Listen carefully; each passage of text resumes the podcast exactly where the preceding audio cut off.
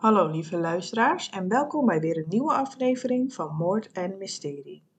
Vergeet niet om me te volgen op Insta op moord.n.mysterie.podcast voor alle updates van de lopende zaken die ik heb besproken in de afleveringen en informatie over alle afleveringen zal ik ook hier plaatsen. Op TikTok kun je me ook volgen op moord.n.mysterie. En mochten jullie nog feedback hebben of een suggestie voor een volgende aflevering, dan mogen jullie dat altijd laten weten via een berichtje op Insta of op Facebook. Dan ga ik nu beginnen met de aflevering. Aflevering 13. Kim en Ken.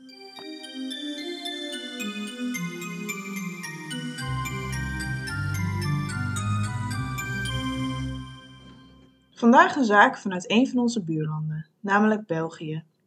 Deze aflevering gaat over de verschrikkelijke moord op Kim en de schrijnende verdwijning van haar broertje Ken, die tot op de dag van vandaag nog niet is teruggevonden. Tini Mast trouwde op 16-jarige leeftijd voor het eerst. Op 2 februari 1982 werd haar eerste dochter Kim geboren. Toen Kim vier maanden oud was, scheidde Tini van haar man. Ze hertrouwden weer en op 26 juli 1985 kregen zij samen een zoontje genaamd Ken. Tini krijgt hierna nog twee zoontjes, Axel en Julian. Ook bevalt ze nog van een meisje, maar helaas is dit meisje stilgeboren. Op 4 januari 1994 gingen Kim, van toen 11 jaar oud, en Ken, van toen 8 jaar oud, bij een vriendje logeren. Dit vriendje woonde vlakbij. Maar ze besloten om eerst met de tram richting het fort van Merksem te gaan. Hier was de vriend waarbij ze gingen logeren op zijn voetbaltraining. Maar daar zijn ze nooit aangekomen. Later blijkt dat ze bij het sportpaleis zijn uitgestapt. Dat was dus de verkeerde halte. En daar leken ze de weg kwijt te zijn. Ze hebben aan twee personen die aan het wandelen waren de weg gevraagd en daarna zijn ze nooit meer gezien. Tinny ging ervan uit dat de kinderen aan het logeren waren. Want in die tijd was het natuurlijk heel anders. Je had geen telefoontjes om even te appen of om even te bellen. Dus de kinderen zeiden dat ze gingen logeren. En Tini ging er gewoon vanuit dat ze aan het logeren waren. Maar toen ze de volgende ochtend de kinderen wilden ophalen, bleek dat de kinderen daar nooit waren geweest. Ze hadden daar niet geslapen. Nou, je kunt je de paniek wel voorstellen. Maar toen zij de politie inschakelde, probeerde de politie haar gerust te stellen.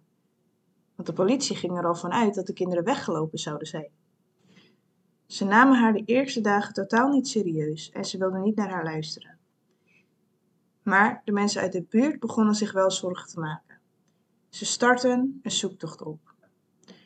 Affiches worden geprint en verspreid. Iedereen zoekt mee. Na een paar dagen begint de politie pas de ernst van de situatie in te zien. En dan beginnen ze ook uiteindelijk pas met zoeken.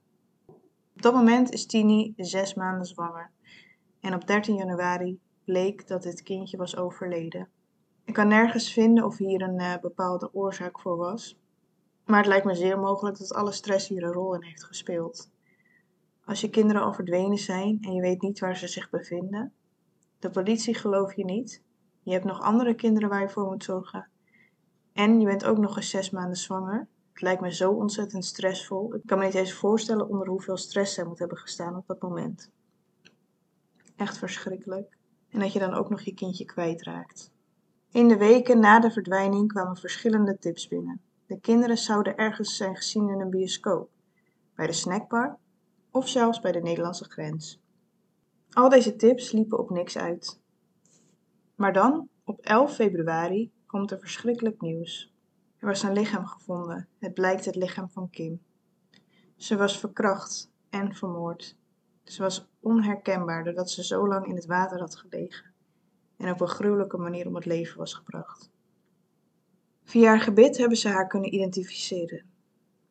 Ze hebben vier jaar lang de foto's van het lichaam van Kim niet aan Tini willen laten zien, omdat de foto's zo verschrikkelijk waren.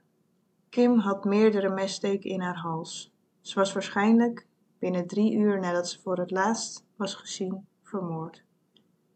Wel is er DNA op haar lichaam aangetroffen. Het vermoeden was dat Ken ook ergens in hetzelfde water zou liggen. Het hele water werd afgezocht, maar ze vonden geen spoor van Ken. Het water waarin Kim was gevonden was heel erg groot en lastig te doorzoeken. Zeker met de technologie van toen. Maar ze hebben hier alles voor geprobeerd. In 1995 richtte Tini het comité Kim en Ken op. Dit comité gaf hulp aan alle mensen met problemen waarin politiek, politie of het gerecht tekortschoten. Het comité stelde vier eisen op: inzage in dossiers, openbaarheid van onderzoek, geen doofpotoperaties en het opkomen voor alle kinderen, ongeacht hun huidskleur of geloofsovertuiging. In 2001 heeft ze dit comité moeten sluiten. Maar ik vind het zo ontzettend knap dat ze tijdens deze verschrikkelijke periode haar kracht heeft kunnen vinden om andere mensen hierin te helpen. Daar heb ik echt zoveel respect voor, echt zo knap. Een tijd lang lag de zaak helemaal stil. Tot in 1996, toen de zaak Dutroux bekend werd. Er werd gelijk onderzocht of hij hier iets mee te maken zou kunnen hebben. Alle mogelijke connecties en andere mogelijkheden werden onderzocht, maar dit liep tot niks uit. En dan ligt de zaak weer helemaal stil. Tot in 1999. Er gebeurt iets wat heel erg lijkt op wat Kim en mogelijk ook Ken is overkomen. Op 24 juni 1999 fietst Steve Vissers van 12 jaar oud samen met zijn broertje Sven van 9 jaar oud in de buurt van het Sportpaleis. En ineens kwam er een brommer uit het niets, die reed Steve opzettelijk aan en dwong hem met een mes op zijn keel om mee te gaan. Sven raakte in paniek en is keihard naar huis gefietst om zijn ouders te waarschuwen. Ze gingen meteen zoeken. Twee uur later vonden ze het lichaam van Steve. Ook hij was verkracht en vermoord door meerdere messteken in zijn nek. Vlak na de vondst van het lichaam van Steve werd Danny Immens, een schilder van toen 29 jaar oud, opgepakt. Danny Immens was tijdens de moord onder invloed van drank en drugs. Het DNA van Danny Immens werd vergeleken met het DNA dat gevonden was op het lichaam van Kim, maar dit was geen match. Ook is Danny Immens altijd blijven ontkennen dat hij iets te maken zou hebben met de moord op Kim of met de verdwijning van Ken. Deze lead liep dus uiteindelijk ook op niks uit.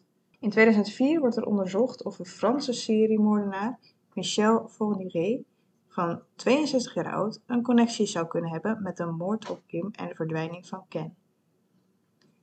En ik heb overal gezocht online, maar ik kan nergens een conclusie hierover vinden. Ik zie dat ze wel bezig waren met DNA vergelijken en dat het erg lang duurde.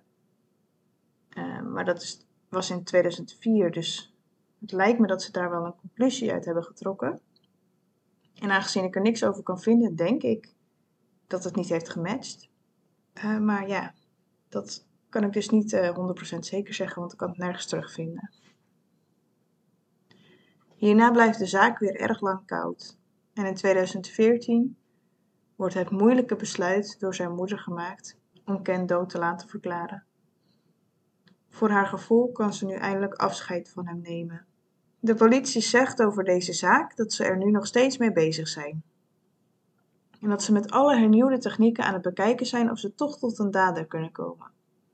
Het lijkt me toch zo verschrikkelijk als familie zijnde om dit allemaal mee te moeten maken. Eerst de verdwijning, Daarna de politie die bedenkt dat de kinderen zelf zijn weggelopen. Vervolgens dat Kim op een gruwelijke wijze op het leven blijkt gebracht te zijn. En dan ook nog Ken nergens meer kunnen vinden.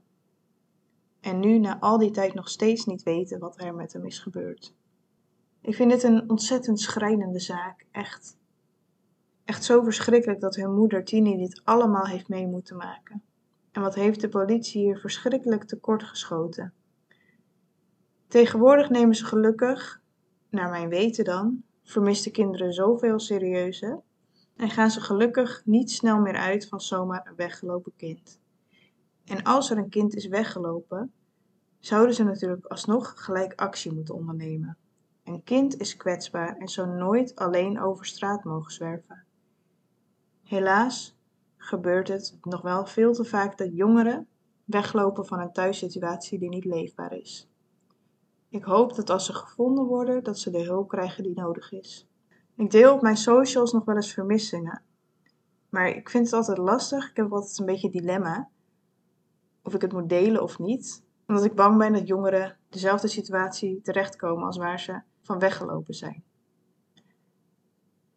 Ze lopen niet zomaar weg. Meestal is er dan iets meer aan de hand. Maar goed, dat was even een zijstap naar een ander onderwerp. Voor deze familie hoop ik zo erg dat ze ooit nog te weten komen wat er met kennis gebeurt. En dat degene die dit Kim en Ken heeft aangedaan, dat die de straf krijgt die hij verdient. Zodat ze gerechtigheid krijgen. Deze zaak is zo triest. Hierbij sluit ik de aflevering voor vandaag af. En over twee weken staat er weer een nieuwe aflevering online. Tot dan, lieve luisteraars. Blijf veilig.